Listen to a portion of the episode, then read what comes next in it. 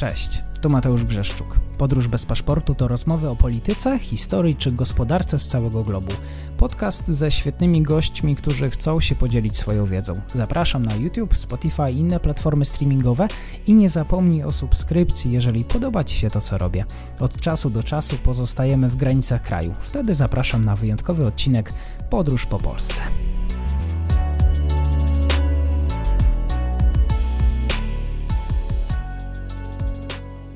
Dzień dobry wszystkim słuchaczom. Dzień dobry w piątek. Dzisiaj mam tę przyjemność rozmawiać o Bliskim Wschodzie. Kraje Bliskiego Wschodu są obecne na tym podcaście, z czego bardzo się cieszę. Całkiem niedawno nawet pojawił się materiał o arabskiej wiośnie, a dzisiaj moim gościem jest pan profesor Łukasz Fyderek z Instytutu Bliskiego i Dalekiego Wschodu Uniwersytetu Jagiellońskiego. Panie profesorze, dziękuję za przyjęcie zaproszenia. Dzień dobry, dziękuję za zaproszenie. Zanim przejdziemy do tematów e, polityki międzynarodowej, chciałbym nadmienić o innym wątku. Całkiem niedawno zastanawiałem się, z czym kojarzy mi się Arabia Saudyjska. Myślę, że wiele osób mogłoby powiedzieć, że z ropą, e, bardziej wtajemniczeni z wahabizmem, czyli e, radykalnym odłamem islamu sunnickiego, który w jakimś stopniu otwiera się na świat. Arabia Saudyjska to jest kraj Półwyspu Arabskiego, jedna z tych istniejących monarchii absolutnych. Rządy sprawuje król i jednocześnie premier Salman. Ale jak myślę o tym kraju, to też zastanawiam się nad tą wizją nowej Arabii Saudyjskiej, bo jest to kraj jednocześnie konserwatywny, a jednocześnie nowoczesny. Kraj, który ma dostęp do tego wszystkiego, co możemy nazwać tą zdobyczą cywilizacji. Stąd moje pierwsze pytanie do pana profesora: jaka jest ta wizja i pomysł na jak Arabia Saudyjska ma funkcjonować w tym świecie arabskim, a jednocześnie trochę w tym świecie zachodu? To znaczy, mm, pytanie o to, jak ma funkcjonować nie do końca w świecie arabskim i w świecie zachodu, mm, to, bo, bo, bo wiele krajów jest arabskich, mhm. które funkcjonują w, w jakimś sensie w kulturze nowoczesnej czy hipernowoczesnej, mając korzenie arabskie. Natomiast to, co pan wcześniej wspomniał, pan redaktor, to znaczy właśnie to połączenie ultrakonserwatyzmu z hipernowoczesnością, to jest coś fascynującego w kontekście Arabii Saudyjskiej, ponieważ no, są to dwa zupełnie przeciwne bieguny. Z jednej strony na planie takim obyczajowym, no jest to kraj nadzwyczaj konserwatywny. Tak? Jeżeli chodzi o duże kraje, no jedyny taki duży kraj, który, który jest tak w pewnym sensie izolowany od trendów y, światowych i no wymiarem tego, takim najbardziej, czy też przykładem tego najbardziej rzucającym się w oczy jest oczywiście obowiązujący do niedawna zakaz prowadzenia samochodów e, przez kobiety. Zresztą nie do końca i nie zawsze przestrzegany w najdalszych fragmentach kraju, e, gdzie niegdzie w takich bardzo odległych miejscowościach, czy właśnie peryferiach zdarzało się, że beduinki prowadziły samochody i było to tolerowane przez lokalną policję, no ale no, w centrach e, takich jak Riyadh czy Jeddah rzeczywiście było to niedopuszczalne. Z jednej strony mamy ten ultrakonserwatyzm, motywowany w dużym stopniu religijnie, ale też i politycznie, ale też i kulturowo, że będziemy mogli o tych wymiarach też porozmawiać. No a z drugiej ową taką właśnie hipernowoczesność, bo ambicją właściwie wszystkich władców Arabii Saudyjskiej od momentu założenia tego państwa było dorównanie krajom wysoko rozwiniętym. Od samego początku jawi się ten dylemat, jak pogodzić modernizację w wymiarze technicznym czy technologicznym z pozostawaniem zupełnie nietkniętym wpływami Zachodu w wymiarze kulturowym i w wymiarze moralnym przede wszystkim, bo może dodajmy, że to, co najbardziej martwi, gdy zerkniemy do pism czy wypowiedzi rozmaitych fundamentalistycznych kaznodziejów, no to jest rozkład, upadek moralny, który niesie ze sobą właśnie ta zachodnia cywilizacja. I, i to jest coś, przed czym e, zarówno władcy e, tego kraju z rodziny Al-Saudów, czy mm, kaznodzieje, którzy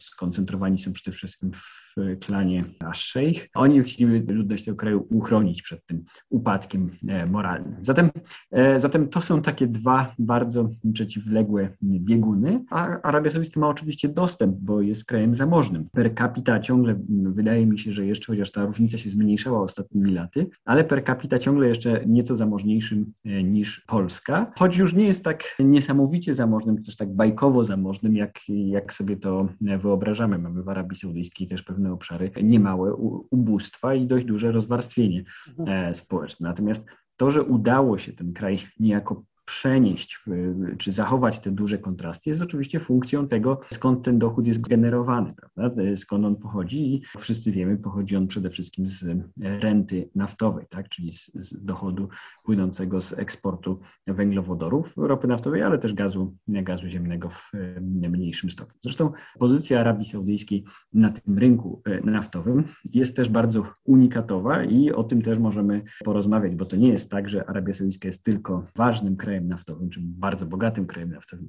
Arabia Saudyjska jest też krajem, którego pozycja na rynku naftowym jest absolutnie unikatowa i podstawowa dla funkcjonowania mechanizmu cen tego surowca, które potem no, dotykają e, wszystkich z nas e, pośrednio bądź bezpośrednio. Zatem no, taka krótka wstępna prezentacja e, tego, tych dylematów z Arabią Saudyjską łączących. No właśnie, we wstępie wspomniałem o tej arabskiej wiośnie. Słyszałem też opinię, że władza chce reformować ten skostniały system polityczny, system społeczny tylko po to, żeby jakby nie dopuścić do tego, co wydarzyło się ponad 10 lat temu. Panie profesorze. Oczywiście to jest teza, której w pewnym sensie też y, po części ona jest obecna w mojej książce o systemach politycznych, autorytarnych systemach politycznych świata arabskiego, gdzie zajmuję się w dużym stopniu właśnie Arabią Saudyjską i to jest, to jest zupełnie niekontrowersyjna teza, tak? To znaczy nie tyczy to zresztą tylko Arabii Saudyjskiej. No, z natury systemu niedemokratycznego, systemu autorytarnego wynika,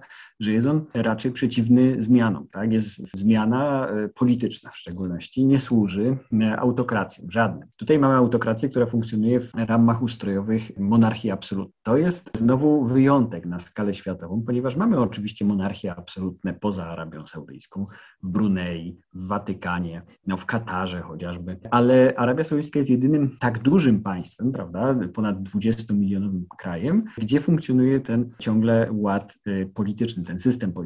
No i możemy zadać sobie pytanie, dlaczego tak się stało, że monarchie absolutne wyginęły, zmieniły się. Odpowiedź y, upraszczająca jest taka, ale, ale bliska prawdy, że no monarchia absolutna jest systemem, który nawet jak na skalę systemów niedemokratycznych w bardzo słaby sposób odpowiada na potrzeby ludzi, tak? w bardzo słaby sposób adoptuje się do zmian otoczenia i do zmieniających się aspiracji potrzeb e, ludności. No ale znowu, w Arabii Saudyjskiej dzięki kombinacji czynników kilku, to znaczy z jednej strony gigantycznego bogactwa naftowego, z drugiej strony bardzo konserwatywnego społeczeństwa, E, które w ciągu ostatnich 80 e, lat e, funkcjonowania, no właściwie za niedługo będziemy obchodzić stulecie funkcjonowania kraju jako takiego, 90-lecie funkcjonowania kraju pod tą nazwą, którą znamy, Arabii Saudyjskiej, więc to, ten młody kraj dokonał też bardzo dużych zmian w życiu ludności. Cechą charakterystyczną Arabii Saudyjskiej jest też to, że na tym obszarze z przyczyn topograficznych i klimatycznych przede wszystkim nie funkcjonowało wcześniej państwo, nie funkcjonowała państwowość. To znaczy znaczy przed rokiem 1924, 25, 26, czyli tymi latami, kiedy zaczęło tworzyć się Królestwo Arabii Saudyjskiej, no nie mamy organizmu protopaństwowego. W odróżnieniu od wszystkich właściwie obszarów e, sąsiednich, w Jemenie, Arabia Felix od czasów starożytnych państwowość, na północy w Iraku, w Dolinie Mezopotamii najstarsze państwa świata, na zachodzie Egipt, znowu ogromna tradycja państwowości, a na Półwyspie Arabskim, w środku Półwyspu Arabskiego, pustka, tak, historycznie pustka, w, poza e, takim interludium, jakim było właśnie stworzenie chociażby pierwszej ummy, pierwszego państwa e, muzułmańskiego wokół proroka Muhammada. No ale i nawet i to pierwsze państwo muzułmańskie bardzo szybko zmieniło swój, swoje centrum administracyjne, przenosząc je do Damaszku najpierw, a potem do Bagdadu. Zatem mamy tutaj jeszcze jeden czynnik pokazujący na wyjątkowość e, doświadczenia Arabii Saudyjskiej, mianowicie to, że kraj ten został stworzony w społeczeństwie nomadycznym, społeczeństwie, w którym nie było dużych ośrodków miejskich, w którym nie było tradycji państwowości, choć istniały i istnieją e, najświętsze miasta e, islamu, czyli Mekka i, i Medyna. No niemniej jednak państwowość jako taka jest zjawiskiem bardzo, bardzo nowym. Podobnie jak e, dla wielu obywateli Arabii Saudyjskiej czymś, czymś relatywnie nowym jest chociażby osiadły tryb życia. Bo, bo znaczna część ludności tego kraju jeszcze dwa pokolenia wstecz prowadziła nomadyczny tryb, tryb życia. Wspomniał pan profesor o topografii. Czy można powiedzieć dzisiaj, że Arabia Saudyjska staje się też, albo też już jest tym centrum e, świata muzułmańskiego, tym głównym węzłem komunikacyjnym, handlowym pomiędzy Afryką, Azją czy Europą? Arabia Saudyjska ma takie ambicje, żeby, żeby prezentować się i występować jako lider świata muzułmańskiego. To nie jest wszędzie i nie jest powszechnie akceptowane. No z całą pewnością nie akceptują tego szyici i nie akceptuje tego Iran. Ale e, nie akceptuje tego też na przykład Turcja. Turcja też rzuca w ramach świata sunnickiego wyzwanie Arabii Saudyjskiej na arenie międzynarodowej. Niemniej jednak islam jest religią jednak dość, można powiedzieć, etnocentryczną. Znaczy Arabowie mają w pewnym sensie uprzywilejowaną rolę. Także no, chociażby z faktu, wynika to z faktu, że Koran jest uznawany, jest czytany w języku oryginalnym, czyli w języku arabskim. E, święte miejsca islamu są na terenie kraju e, arabskiego. I to sprawia, że Arabia Saudyjska ma bardzo mocne argumenty za tym, żeby występować w planie religijnym jako rzeczywiście lider świata,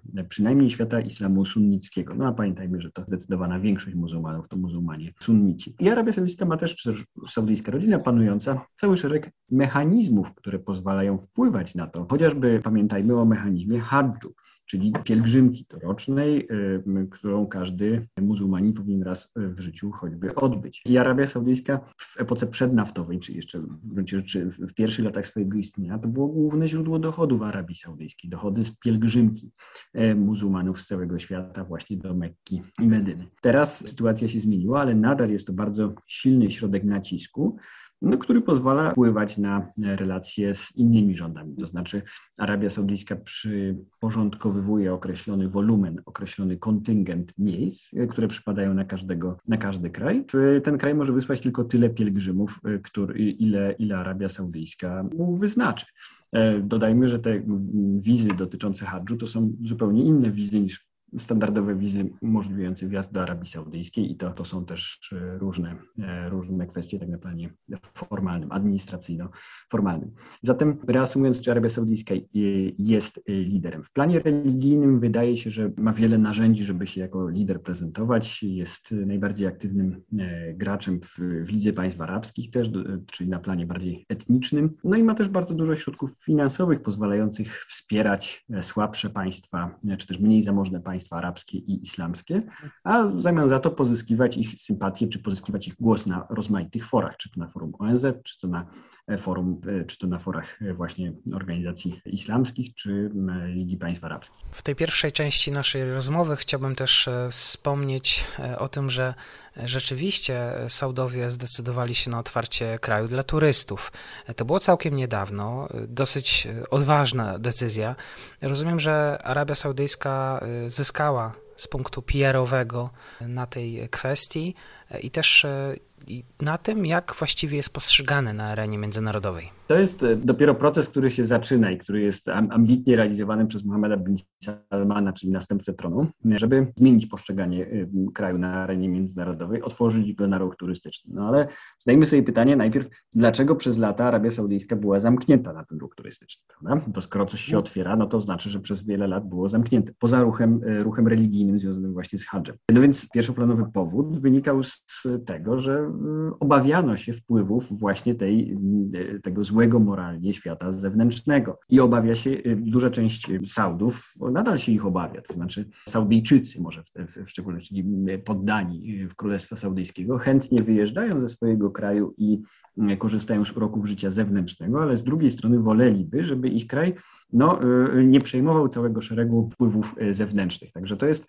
e, to jest taka, taka osobliwa relacja. Natomiast podstawowy y, czynnik, który warunkuje zmiany w Arabii Saudyjskiej, ma charakter ekonomiczny. Tak? Mam, znaczy mamy też oczywiście jeszcze kilka czynników politycznych, o których może wspomnimy, bo, bo mamy tutaj bardzo ciekawą sytuację w rodzinie panującej ale y, abstrahując od tego, abstrahując od tego, kto rządzi w danym momencie Arabią Saudyjską, to każdy władca Arabii Saudyjskiej będzie stał przed tym samym jednym zasadniczym dylematem, a mianowicie wydobycie ropy naftowej jest na stałym mniej więcej poziomie, ceny ostatnio spadają, natomiast Arabia Saudyjska ma ciągle bardzo duży przyrost naturalny. To oznacza, że choć PKB rośnie, to PKB per capita jest albo w stagnacji, albo spada z uwagi właśnie na ten przyrost naturalny, na to, że obywateli e, przybywa. I trzeba znajdywać dla nich, trzeba tworzyć nowe sektory, trzeba otwierać kraj. No a jednym z takich zasadniczych sposobów, w którym można kraj otworzyć i utworzyć sporo miejsc pracy dających dobry dochód, no jest e, stworzenie sektora usług, w tym sektora turystycznego.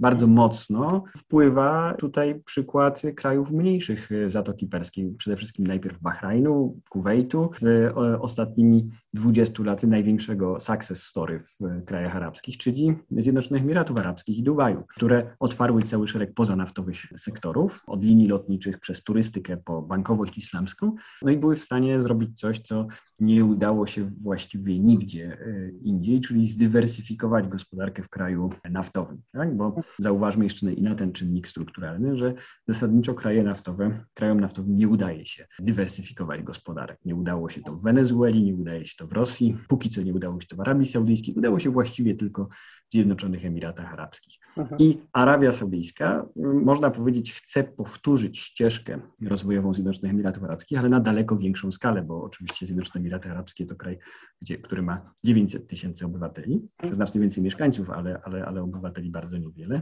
Natomiast Arabia Saudyjska jest 40-krotnie e, większa. Wspomniał właśnie pan profesor o rodzinie Saudów. Tutaj e, płynnie przechodzimy do dalszych kwestii. Reformator i jednocześnie dyktator, tak nazywany jest książę Hamad ibn Salman, który pozbywa się swoich politycznych przeciwników. Są to członkowie rodziny, tak przynajmniej było w marcu ubiegłego roku. Rządzi w imieniu swojego sędziwego ojca. Pytanie, jaka dzisiaj atmosfera panuje w Pałacu Królewskim? Hmm. E, na to pytanie odpowiedzieć obawiam się, że nie potrafię, bo jaka jest atmosfera w Pałacu Królewskim? E, jest takie powiedzenie, że ci, co mówią, nie wiedzą, ci, co wiedzą, nie mówią o tym, jaka jest właśnie atmosfera tam e, za tymi murami władzy. Natomiast zresztą badanie, badanie tego, co się dzieje w polityce saudyjskiej jest ogólnie bardzo trudne. Natomiast nakreślmy może słuchaczom pokrótce kontekst, żebyśmy umiejscowili sobie ten fenomen Mohameda bin Salmana w, w jakimś, na jakimś szerszym tle, co pozwoli nam lepiej zrozumieć to, co on robi i dlaczego jest taki bezwzględny, bo, bo niewątpliwie jest to polityk bardzo bezwzględny. Arabia Saudyjska została założona przez króla Abdulaziza, e, zwanego Ibn Saudem. Od momentu jego śmierci w roku 1953 krajem rządzą jego synowie.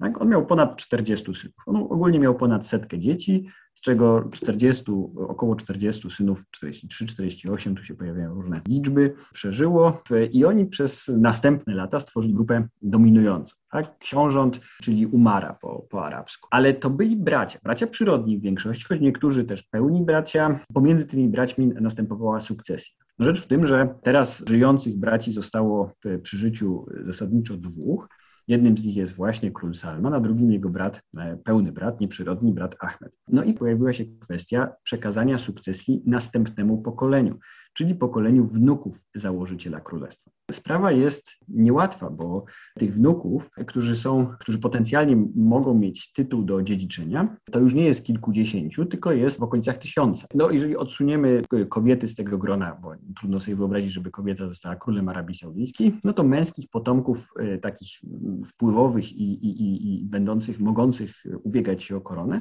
nadal będziemy mieć kilkuset. To są wszystko kuzyni. I teraz widzimy dylemat strukturalny, polityczny, przed którym stoi saudyjska rodzina panująca. Mamy prawdopodobnie ostatniego z y, królów z pokolenia synów założyciela królestwa i konieczność wybrania, e, czy też e, oparcia się na jakimś z wnuków. No i tu pojawia się Mohammed bin Salman, który jest uznawany, jest uznawany za charyzmatycznego przywódcę. Ma też taką cechę, o której rzadko się kiedy e, mówi w mediach zachodnich, a która ma duże znaczenie w od jego odbiorze w jego własnej rodzinie, a mianowicie jest bardzo podobny do dziadka, czyli do założyciela królestwa. To niemała część e, właśnie e, kuzynów i jego braci zaczęła uznawać, że no, żeby uniknąć rozpadu, fitny, musimy na kogoś się zdecydować, niech to będzie Mohammed bin Salman. I to jest ten punkt, w którym my jesteśmy, choć pamiętajmy, że mm, e, przywództwo Mohammeda bin Salmana, które konsolidowane jest ostatnio bardzo brutalnymi metodami też, związanymi z zamykaniem niepokornych, zamykaniem wujów, czyli kuzynów, wymuszaniem od nich e, prawdopodobnie przepisywania części majątków. Oczywiście wszystko to działo się pod pozorem działań antykorupcyjnych, no ale to pozwala Mohammedowi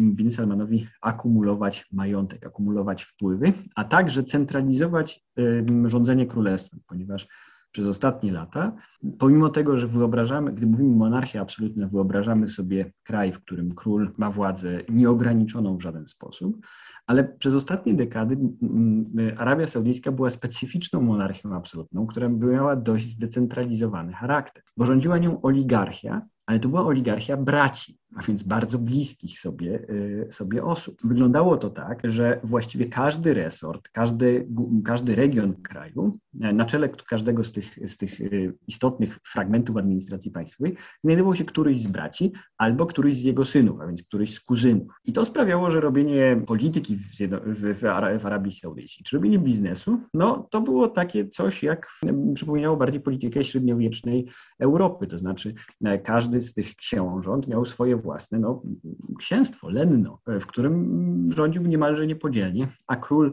niby władca absolutny, znaczy nie niby, ten de jure władca absolutny, musiał za każdym razem negocjować, jak chciał, chciał jakichś zmian, na przykład w obszarze obronnym, którego przez długie lata, na którym dominował książę e, sultan, a następnie jego, e, jego synowi. Czy w obszarze no, Riyadu, tak? Aktualny król przez um, ostatnie 40 lat był gubernatorem prowincji stołecznej prowincji Riyadu i on tam sobie rządził właściwie niepodzielnie. I teraz to, co robi Mohammed bin Salman e, ostatnimi trzema laty, trzema, tak, od trzech mhm. lat, to jest konsolidacja tej władzy. To jest e, mówienie kolejnym wujkom bądź kuzynom. To już nie jest czas na to, kiedy będziecie sobie robić, co chcecie w tych waszych domenach. Ja teraz będę rządził, znaczy formalnie mój ojciec, ale, ale no w praktyce z, z, właśnie ja, będę rządził w sposób taki, jak czynił to nasz dziadek, czyli e, sprawiedliwie, ale bezwzględnie. E, natomiast e, nie ma miejsca na e, solistów, nie ma miejsca na udzielne księstewka. Teraz mamy projekt, to jest ten projekt nazywa się Wizja roku 2030 i zmierzamy do niego, zmierzamy do niego, potrzebujemy skoncentrować wszystkie wysiłki i całą władzę w rękach Pałacu Królewskiego ponownie. Także to jest, to jest kontekst, który mam nadzieję pozwoli nam lepiej zrozumieć, y, wychodząc trochę poza takie mhm. doniesienia medialne, to co dzieje się w tym momencie w pałacach królewskich. No to jak rozmawiamy o tych problemach rodziny Saudów, to zastanawiam się też, jak zareagowała sama rodzina na to, co się działo niedawno w Jordanii. Tego, jak, jak zareagowała wprost, myślę, że tyle w tym zaniepokojeniem, ale mogę odpowiedzieć anegdotą, która wiąże się z innym kryzysem w sąsiedztwie Arabii Saudyjskiej, kryzysem roku 79, kiedy to obalono szacha Iranu, czyli monarchę sąsiedniego, co prawda perskiego, ale, ale sąsiedniego kraju. I wtedy, jak głosi owa anegdota, saudyjscy książęta no, wykazywali pewne zaniepokojenie, ale potem mówili tak, pachlawi, pachlawi, co to za rodzina, ile ich tam było, kilkunastu, nas są tysiące. I myślę, że tak samo odpowiedzieliby, być, być, może to ta sama odpowiedź jest aktualna, jeżeli mówimy o porównywaniu rodziny Haszymitów w Jordanii i rodu Saudów. Haszymitów e, e, w takiej najbliższej rodzinie jest kilkunastu. O, może do 30 by ta liczba, e, liczba, liczbę można podnieść. Podczas gdy tych ludzi, którzy są w drugim pokoleniu ze sobą spokrewnieni, nawet nie spowinowaceni, ale spokrewnieni, w tym momencie jest około 5 tysięcy. 5 do 7 tysięcy ludzi otrzymuje formalne, czyli członków rodziny królewskiej, otrzymuje, jest uznawanych przez protokół dyplomatyczny jako członkowie rodziny królewskiej w, rodzinie, w, w, w Arabii Saudyjskiej. Mówimy tu o gigantycznej, ale jednak rodzinie prawda? Mhm. Także, także myślę, że to jest, y, to jest też rzecz, która umyka nam, bo patrzymy na te zjawiska przez, przy pomocy naszych, naszej siatki pojęciowej. Patrzymy o monarchia tu i monarchia tam. Mhm. I to jest prawda, ale to jest część prawdy. Z drugiej strony możemy patrzeć rodzina tu i rodzina tam. Mm, no ale bardzo różne rodziny. I to jest, to jest coś, o czym e, należy pamiętać. Bardzo się cieszę, że pan profesor wspomniał o Iranie, bo już miałem zapytać akurat o, o ten rejon świata. Saudyjsko-irańskie spotkania tak przynajmniej e, informowały media, Financial Times, z tego co pamiętam. Spotkania tajne, które odbywały się w połowie kwietnia. Miało mieć to miejsce w Iraku. Saudyjskie służby specjalne miały się spotkać z sekretarzem irańskiej Najwyższej Rady Bezpieczeństwa Narodowego. Czy Arabia i Iran zakopią ten wojenny topór? A to jest bardzo ciekawe, bo e, niemalże równolegle e, toczyły się w Bahrajnie też rozmowy wysoko postawionych szefów służb bezpieczeństwa Izraela i Arabii Saudyjskiej. E, także Arabia Saudyjska mniej więcej od y, lutego tego roku zaczęła bardzo intensyfikować, czy też stanęła przed wyborem y, dość y, strategicznym. Wyborem, z kim będzie bardziej po drodze, czy też z kim prowadzić politykę, może nie sojuszu, ale z kim zbliżyć swoje stanowisko. Czy z Izraelem, czy z Arabią Saudyjską. Oczywiście to, co wyzwoliło ten proces, to były te porozumienia, które podpisał, podpisały Emiraty Arabskie, następnie Bahrajn i potem Maroko jeszcze i Sudan z Izraelem, czyli normalizacja normalizacja stosunków. Arabia Saudyjska, jak właśnie powiadam, stanęła przed takim dylematem, który w jakimś sensie ułatwiła eskalacja izraelsko-palestyńska w ostatnich tygodniach bowiem po tym, co się wydarzyło w e, strefie gazy i w Jerozolimie, to jest oczywistym, że Arabia Saudyjska nie będzie w najbliższym czasie mogła pójść w ślady e, Zjednoczonych Emiratów Arabskich. Dlaczego nie będzie mogła pójść? No dlatego, że mimo, że jest to kraj e, niedemokratyczny, mimo, że to jest monarchia absolutna, ale monarchowie saudyjscy, saudyjska rodzina panująca musi się liczyć z nastrojami ulicy. No a te są no, nieprzychylne w tym momencie dla Izraela. One są nieprzychylne też dla szyitów i dla Iranu, no ale chwilowo w nastrojach politycznych, tych aktualnych nastrojach politycznych, ta ścieżka ocieplania z Izraelem będzie na jakiś czas zahamowana. Natomiast nie ma przeciwwskazań przeciwko temu, żeby szukać porozumienia z Iranem. W szczególności, że do tego zawarcie jakiegoś takiego roboczego porozumienia motywuje bardzo mocno Arabię Saudyjską, motywują doniesienia, które płyną z Wiednia, gdzie Iran renegocjuje ze Stanami Zjednoczonymi powrót do tak zwanego porozumienia nuklearnego. Arabia Saudyjska obawia się Iranu. Tak? To jest największe zagrożenie bezpieczeństwa zewnętrzne. Wewnętrzne to oczywiście zagrożenie ze strony właśnie jakiegoś przewrotu czy masowego ruchu rewolucyjnego w duchu arabskiej wiosny. Tak? Zewnętrzne największe zagrożenie to Iran, kraj trzykrotnie co najmniej liczebniejszy, mający potężne siły zbrojne, choć niedofinansowane, ale jednak potężne, otwarcie, niejednokrotnie otwarcie wypowiadający się krytycznie przeciwko Arabii Saudyjskiej. Stąd Arabia Saudyjska musi e, szukać sposobów e, zapewnienia sobie bezpieczeństwa. Jednym z tych filarów jest sojusz ze Stanami Zjednoczonymi, sojusz bardzo stary, bo sięgający roku 1940, właściwie czwartego, gdzie jeszcze właśnie król Ibn Saud z prezydentem Rooseveltem jeszcze nieformalnie taki, takie porozumienie zawarli o obronie. No ale Saudowie są też świadomi, że a Stany Zjednoczone relatywnie słabną, że poszukują sposobów wycofywania się z Bliskiego Wschodu. Mhm. Więc jakie alternatywy? Alternatywy są dwie jeszcze oprócz e, poszukiwania porozumienia z Iranem. E, jedna alternatywa to Pakistan, a druga to Egipt.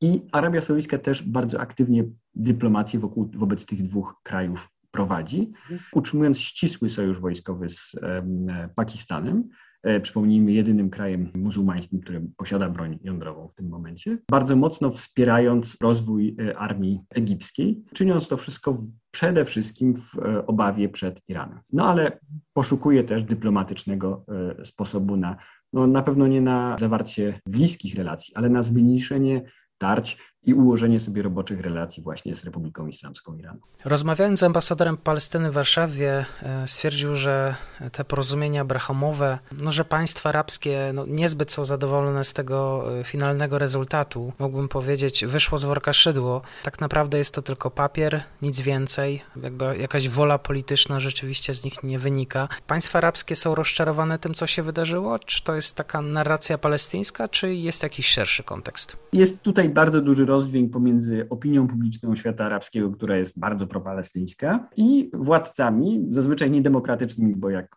wiemy, dwie część krajów arabskich jest krajami autorytarnymi, które no, poszukują raczej porozumienia z Izraelem, dostrzegają dużo zalet, w szczególności te kraje, które są narażone właśnie na dominację Iranu, sąsiadują z, z, z krajem o jednak rewolucyjnym, e, rewolucyjnej ideologii, o bardzo sprawnych służbach specjalnych. W takiej pozycji są chociażby właśnie Zjednoczone Emiraty Arabskie. E, stąd dla elit, e, nie mówimy tu jeszcze o korzyściach komercyjnych, korzyściach biznesowych, korzyściach technologicznych ze współpracy z Izraelem, w tym także w ramach technologii chociażby inwigilacji własnych własnych obywateli. Dlatego monarchowie i prezydenci wielu krajów arabskich z chęcią by się porozumieli bądź porozumiewają się już z Izraelem. Natomiast e, no, ludność, ulica jest bardzo propalestyńska, więc tu jest taki rozdźwięk, o którym musimy pamiętać. E, jeżeli chodzi o Arabię Saudyjską i elitę, wydaje mi się, że takim e, sygnałem, który mógł zaniepokoić palestyńskie przywództwo, był ostatni bardzo obszerny wywiad, który przeprowadziła saudyjska telewizja z Mohammedem bin Salmanem, czyli następcą tronu Arabii Saudyjskiej. I w tym wywiadzie, oczywiście starannie wyreżyserowanym, bardzo obszernym, poruszającym bardzo wiele wątków, zarówno wewnętrznych dotyczących Arabii Saudyjskiej, jak i e, islamu, perspektyw właśnie zmian, reform islamu, także tego wahabickiego, jak i porządku regionalnego, w tym kilkugodzinnym wywiadzie nie pojawiła się ani raz kwestia palestyńska. Tak? co no było regułą dla wszystkich poprzednich królów, czy no de facto e, rządzących Arabią Saudyjską. Nie jest to zresztą pierwszy przypadek, kiedy następca tronu de facto sprawuje e, kontrolę nad krajem. Mieliśmy taką sytuację też w latach 2000-2005, kiedy następca tronu książę Abdullah de facto rządził, bo, e, bo jego brat król Fahd był, był no, niezdolny do tego, choć formalnie pozostawał królem, no ale to dygresja. Zatem no, regułą wszystkich wcześniejszych władców Arabii Saudyjskiej było podkreślanie jednak retoryczne chociażby, ale znaczenia sprawy palestyńskiej. Tym razem e, po stronie następcy tronu saudyjskiego było kompletne milczenie. No i to myślę, że był bardzo taki potencjalnie e, sygnał, który, który mógł bardzo zmartwić przywództwo e, palestyńskie. Oczywiście po tym, co się wydarzyło w ostatnich tygodniach, jak powiadam, rodzina panująca w Arabii Saudyjskiej przez najbliższy czas nie będzie podejmować jakichkolwiek działań dotyczących zbliżenia z Izraelem, no żeby nie drażnić owej, owej siły, z którą musi liczyć, czyli ulicy, ulicy arabskiej, ulicy zwykłych Saudy, Saudyjczyków, którzy, którzy no, mają jasne poglądy na to, jak, do kogo powinna należeć Jerozolima. Pamiętajmy, że mamy tutaj dwa czynniki, które na to wpływają. Jeden czynnik to braterstwo arabskie i poczuwanie się do, do wspólnoty e, kulturowej, no a drugi czynnik to e, oczywiście czynnik religii w odniesieniu do społeczeństwa saudyjskiego. Ten drugi być może jest nawet ważniejszy i przekonanie tego, że Al-Quds, czyli Jerozolima, to jest miejsc islamu, które powinno znajdować się pod panowaniem e, rządu e, muzułmańskiego, a nie mhm. żydowskiego. A jak Arabia Saudyjska reaguje właściwie na to, że no, Hamas, cytuję, cały czas ma ręce na spuście? No więc, żeby zrozumieć stanowisko Arabii Saudyjskiej wobec Hamasu, trzeba nakreślić tutaj ten gigantyczny spór, który toczy się w polityce wewnątrzarabskiej. Jak osią tego sporu jest Bractwo Muzułmańskie. Arabia Saudyjska jest bardzo przeciwna Bractwu Muzułmańskiemu. Hamas to ugrupowanie, które jest palestyńskim bractwem muzułmańskim. No i to rozróżnienie może być trochę dla naszych słuchaczy niejasne. Tak? No, bra bracia muzułmanie są fundamentalistami islamskimi. W Arabii Saudyjskiej rządzą, mm, czy też dominujący odłam islamu salafickiego, to też fundamentalizm islamski. Obydwa, e, obydwa nurty znajdują się w, na łonie sunnityzmu, prawda? Mówimy tutaj o, nie, nie mówimy to o muzułmanach sunnitach. Stąd dlaczego taki podział? E, no ale ten podział jest bardzo duży. Tak? To znaczy władcy Arabii Saudyjskiej nie obawiają się, że obywatele kiedyś wyjdą, do, zaczną domagać się demokracji. Tak? Oni obawiają się, że jedyną czy główną siłą, która może obalić monarchię, jest właśnie Bractwo Muzułmańskie, czyli rządy islamskie, ale zdecydowanie nie monarchiczne. Tak? Bowiem Bractwo Muzułmańskie jest takim modernizującym, czy też preferuje, e, proponuje taki modernizujący fundamentalizm, podczas gdy wahabici czy salafici, no to jest taki, taki fundamentalizm bardzo tradycjonalistyczny, tak? bardzo dobrze współgrający chociażby z ideą e, monarchii absolutnej. Dlatego podczas gdy na przykład bracia muzułmanie zupełnie nie mają problemu z republikańską formą rządów, przy założeniu oczywiście, że to będą rządy zgodne z e, szariatem. Także, żeby zrozumieć stosunek Arabii Saudyjskiej, ale też chociażby Egiptu e, wobec Hamasu, trzeba mieć na uwadze ten podział wewnętrzny w polityce arabskiej. Arabia Saudyjska nie wspiera Hamasu, nie wspierała Hamasu i jest w pewnym sensie bardzo przeciwna Hamasowi jako ugrupowaniu będącemu, czy też prezentującemu pewną określoną wizję polityczną, wizję islamu politycznego. Głównym sponsorem Hamasu jest regionalny, bardzo irytujący dla Arabii Saudyjskiej rywal, bo bardzo mały i przez długie lata będący w zupełności w dużej zależności od Arabii Saudyjskiej, a ostatnimi laty bardzo niezależny, czyli Katar. Ten sąsiedni, nieduży emirat jest głównym orędownikiem, głównym zewnętrznym sponsorem ruchów związanych z Bractwem Muzułmańskim w świecie arabskim. No i Arabia Saudyjska próbowała sobie poradzić z tym Katarem e, w, w ostatnich latach poprzez blokadę Kataru, blokadę lądową, e, blokadę przejść granicznych, blokadę przestrzeni powietrznej. Nie przyniosło to skutków dużych, spektakularnych. No chociażby Arabia Saudyjska wzywała do tego, żeby Katar zamknął telewizję Al Jazeera, której linia programowa była uznawana za niechętną Arabii Saudyjskiej. No ale po trzech latach e, właściwie no, takiej blokady, która nie przyniosła spektakularnych skutków, ostatnimi miesiącami w styczniu i w lutym doszło do rekoncyliacji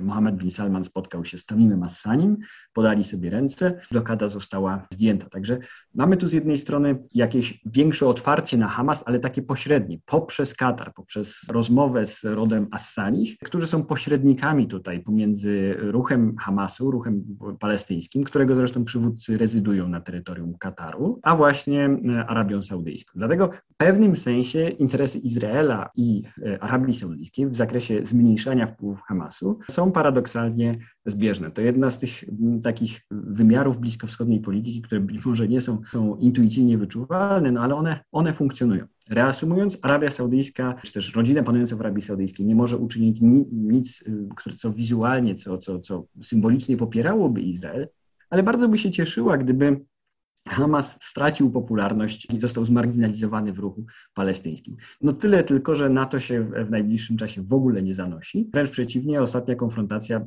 prawdopodobnie bardzo przysporzy Hamasowi mhm. popularności w, wśród Palestyńczyków. E, wspomniał pan profesor już o tym takim aspekcie współpracy państw arabskich przeciw Turcji. E, jeszcze we wrześniu ubiegłego roku Egipt wezwał do takiej wspólnej, zdecydowanej polityki przeciwko Erdoganowi. E, sama Arabia Saudyjska, Zjednoczone Emiraty Arabskie, arabskie, Maroko, jakby mm, rozpoczęły taki bojkot importu z tego państwa. Jak wygląda ta układanka w kontekście relacji ze Stambułem? No więc Turcja jest postrzegana jako rywal przez e, Arabię Saudyjską, taki rywal, który jest potencjalnie dużym zagrożeniem, bo ma no, znaczną siłę wojskową, znaczną siłę gospodarczą, no ale z drugiej strony nie jest w tej rodzinie państw arabskich, tak? Ta bariera językowa i kulturowa jest dość spora. Y, no, Turcja y, nie jest państwem arabskim, jak wiemy, więc pomimo tego, że jest na Bliskim Wschodzie, ma historyczne związki, jest państwem sunnickim, no jest potraktowane jako coś nieco odmiennego przez Arabię Saudyjską. Y, I natomiast no rzeczywiście ta rywalizacja funkcjonuje i tutaj Arabia Saudyjska stara się bardzo mocno wspierać Egipt, bo to więcej interesów sprzecznych z e, Turcją ostatnimi czasy ma Egipt. I Arabia Saudyjska e, bardzo mocno wspiera finansuje dużą część zbrojeń Egiptu, gdzie dochodzi do starcia tych e, interesów. No chociażby w Libii, gdzie Saudowie i Egipcjanie popierają jedną ze stron konfliktu, czyli marszałka Heftara, podczas gdy Turcja popiera rząd Saradża w Trypolisie. Libię, historię konfliktu w Libii możemy opisać jako wojnę w ostatnich latach, jako wojnę proxy, jako wojnę zastępczą pomiędzy właśnie tą osią saudyjsko-emiracko-egipską z jednej strony, osią e, niechętną Bractwu Muzułmańskiemu, a osią bądź sojuszem katarsko-tureckim, czyli tymi dwoma siłami wspierającymi Bractwo Muzułmańskie i wspierającymi rząd, e, e, rząd trypolitański. Zatem ja mam wrażenie, że ostatnimi miesiącami Arabia Saudyjska zostawia tutaj swojemu egipskiemu sojusznikowi miejsce pierwsze w, w, w konfrontacji z Turcją, czy w, w, takim, w takich układaniu relacji świata arabskiego z Turcją, a sama tutaj zajmuje, zajmuje miejsce drugoplanowe, choć od czasu do czasu dochodzi do rozmaitych E, rozmaitych, e, ale głównie symbolicznych mm, przepychanek. E, jedną z takich symbolicznych właśnie wymian, cytuję teraz z pamięci, bardzo charakterystycznych było to, że w, w pewnym momencie jeden z doradców prezydenta Turcji zaczepił na Twitterze bodajże ministra spraw zagranicznych Arabii Saudyjskiej, niejako wyśmiewając to, że Arabia Saudyjska zamierza normalizować stosunki z Izraelem, no i co na to teraz, jak Izrael prawda, wysiedla Palestyńczyków i, i strzela do, do nich w strefie gazy. Na to Saudyjczycy Brytyjczyk odpowiedział, że Arabia Saudyjska chętnie zrewiduje swoje stanowisko, ale niech najpierw Turcja, y, po tym tylko jak Turcja wycofa swojego ambasadora z Tel Awiwu i zaprzestanie wszystkich lotów oraz ograniczy kontakty finansowe i, i gospodarcze. E, no bo to pokazuje właśnie tą rywalizację, ta, ta, ta, ta wymiana zdań o, o rząd dusz o, o w świecie muzułmańskim. Tak? Kto bardziej zdystansuje się od Izraela, z jednej strony Turcja, bardzo wojownicza retoryka prezydenta Erdogana, no ale z drugiej strony Turcja i Izrael handlują od lat, politycznie od czasu, od 2012 roku, od ataku na tą flotylę wolności. Z jednej strony dużo takich groźnych zapowiedzi, ale w praktyce business as usual e, w relacjach turecko-izraelskich. Po stronie Arabii Saudyjskiej rzecz zupełnie, zupełnie inna dynamika. Ciągle konsekwentna polityka od właściwie 60-70 lat trwająca nieutrzymywania bezpośrednich relacji z państwem Izrael, ani gospodarczych, ani dyplomatycznych. No ale z drugiej strony ostatnio pewien klimat ocieplenia, który jednak póki co, jak powiedzieliśmy, nie przerodził się w żadne e, konkretne, e, konkretne kroki. To teraz pytanie o Jemen. Z tego co wiem, Zjednoczone Emiraty Arabskie i Arabia Saudyjska mają nieco odmienne interesy, jeżeli chodzi o prowadzenie wojny z Hutimi. No, to jest ogólnie problem Arabii Saudyjskiej, że, że ci, ci jej tacy mniejsi bracia są nad, nadzwyczaj samodzielni w polityce zagranicznej. Dotyczy to przede wszystkim Kataru, no ale przez ostatnie lata właśnie Zjednoczone Emiraty Arabskie wydawały się grać w tej samej drużynie co Arabia Saudyjska i w pełni, w pełni popierać politykę swojego większego, y, y, potężniejszego sąsiada. No ale właśnie wojna w Jemenie pokazała, uwypukliła, różnice. Okazało się, że, że Zjednoczone Emiraty Arabskie chcą wykroić swoją własną strefę wpływów w południowym Jemenie, w szczególności na wyspie Sokotrze, e, gdzie stworzyli własne bojówki, własne regionalne struktury plemienno-rządowe, samorządowe, zupełnie nie oglądając się na interesy saudyjskie. Można powiedzieć, że z perspektywy saudyjskiej Emiratczycy wybrali najspokojniejsze militarnie regiony kraju i zaczęli budować tam własną siatkę wpływów, potencjalnie być może nawet widząc tam korzyści strategiczne w postaci ewentualnych przyszłych baz, czy ekonomiczne, czy to z wydobycia węglowodorów, czy to ewentualnie później z eksploatacji bazy turystycznej. To no, no, no pokazało na te ograniczenia w tym sojuszu i na to, że Arabia Saudyjska nie może też wprost wpływać na to, co robią Zjednoczone Emiraty Arabskie. No i to było pewnym szokiem dla elit saudyjskich. Jeśli możemy pozwolić sobie tutaj na bardziej ogólną refleksję, no to to jest jakby ten sam problem, który dotyka bardzo wielu e, no, regionalnych układów w stosunkach międzynarodowych, kiedy to największe państwo w regionie ma takie złudzenie, że może wpływać na swoich mniejszych sąsiadów. No tak jak Polska ma takie złudzenie, że może wpływać na swoich, sąsiadów z Grupy Wyszehradzkiej, podczas gdy w praktyce małe państwa dzisiaj są zupełnie zupełnie samodzielne, tak jak Czechy czy Węgry, podobnie Emiraty czy Katar, i zupełnie nie oglądają się na regionalnych e, swoich większych sąsiadów, realizując samodzielną politykę, nawiązując relacje z supermocarstwami, w tym przypadku ze Stanami Zjednoczonymi, prowadząc równoległą politykę, niezależną i realizując e, sprawnie swoje, swoje interesy e, ekonomiczne i, i polityczne. I to zachowuje ważność w odniesieniu do kontekstu właśnie Półwyspu Arabskiego, do kontekstu Europy Środkowej, czy do kontekstu chociażby Azji Południowo-Wschodniej w relacjach na przykład Malezji z, z Indonezją, ale to zupełnie inna historia. To tak na zakończenie chciałbym zapytać o relacje oczywiście ze Stanami Zjednoczonymi. W ponad 90% zgadzamy się z administracją Joe Bidena. Taki sygnał wychodził z Arabii Saudyjskiej. Stany Zjednoczone mają też być partnerem strategicznym, tak zapewniał Mohammed Ibn Salman, następca tronu, ale wcześniej Joe Biden zapowiedział, że będzie rozmawiał tylko z królem Salmanem. Jak to jest, jeżeli chodzi e, o tę politykę arabsko-amerykańską? Ja myślę, że po tym bromansie, który łączył Mohameda bin Salmana z Donaldem Trumpem, to jest teraz ważne politycznie, wewnątrz, wewnątrz politycznie dla Bidena, żeby się zdystansować od Mohameda bin Salmana, no tym bardziej, że no jednak pierwsze skojarzenie amerykańskiej czy zachodniej opinii publicznej z Mohamedem bin Salmanem to cały czas sprawa Hashugdziego, czy też morderstwa Hashugdziego w, w Turcji, no zleconego prawdopodobnie właśnie przez następcę tronu. Stąd y, politycznie dla Bidena teraz rozmowa bezpośrednio z następcą tronu byłaby bardzo no, niekorzystna, bardzo trudna i zapewne taka deklaracja. Z drugiej strony no, Stany Zjednoczone mają na Bliskim Wschodzie kilka swoich stałych interesów, niezależnie od y, jaka tego, jaka, jaka administracja rządzi. Jednym z nich jest bezpieczeństwo Izraela, dbanie o swojego y, sojusznika izraelskiego, a z drugiej strony no, dbanie o swojego no, o sojusznika, który dysponuje narzędziami i metodami, które są w stanie wpływać na światowe rynki ropy czyli interesy Arabii Saudyjskiej. No, żaden prezydent nie może y, Stanów Zjednoczonych zignorować roli Arabii Saudyjskiej na rynku ropy naftowej, możliwości, jakie Arabia Saudyjska ma w zakresie potencjalnej destabilizacji tego rynku, bo to jest jeszcze jeden z tych czynników. Nie tylko, że to jest jeden z największych eksporterów ropy naftowej, ale Arabia Saudyjska jest też krajem, który ma możliwości wpływania bardzo moc, mocniej niż jakikolwiek inny kraj na poziom wydobycia i poziom cen na tym rynku. Arabia Saudyjska jest też krajem, który podtrzymuje wszystkie swoje transakcje w, w zakresie ropy naftowej w, w dolarze, co bardzo mocno pomaga w utrzymaniu statusu głównej waluty rezerwowej E, amerykańskiemu dolarowi. Zatem Arabia Saudyjska i Stany Zjednoczone w płaszczyźnie interesów gospodarczych, czy też geoekonomicznych, jak to się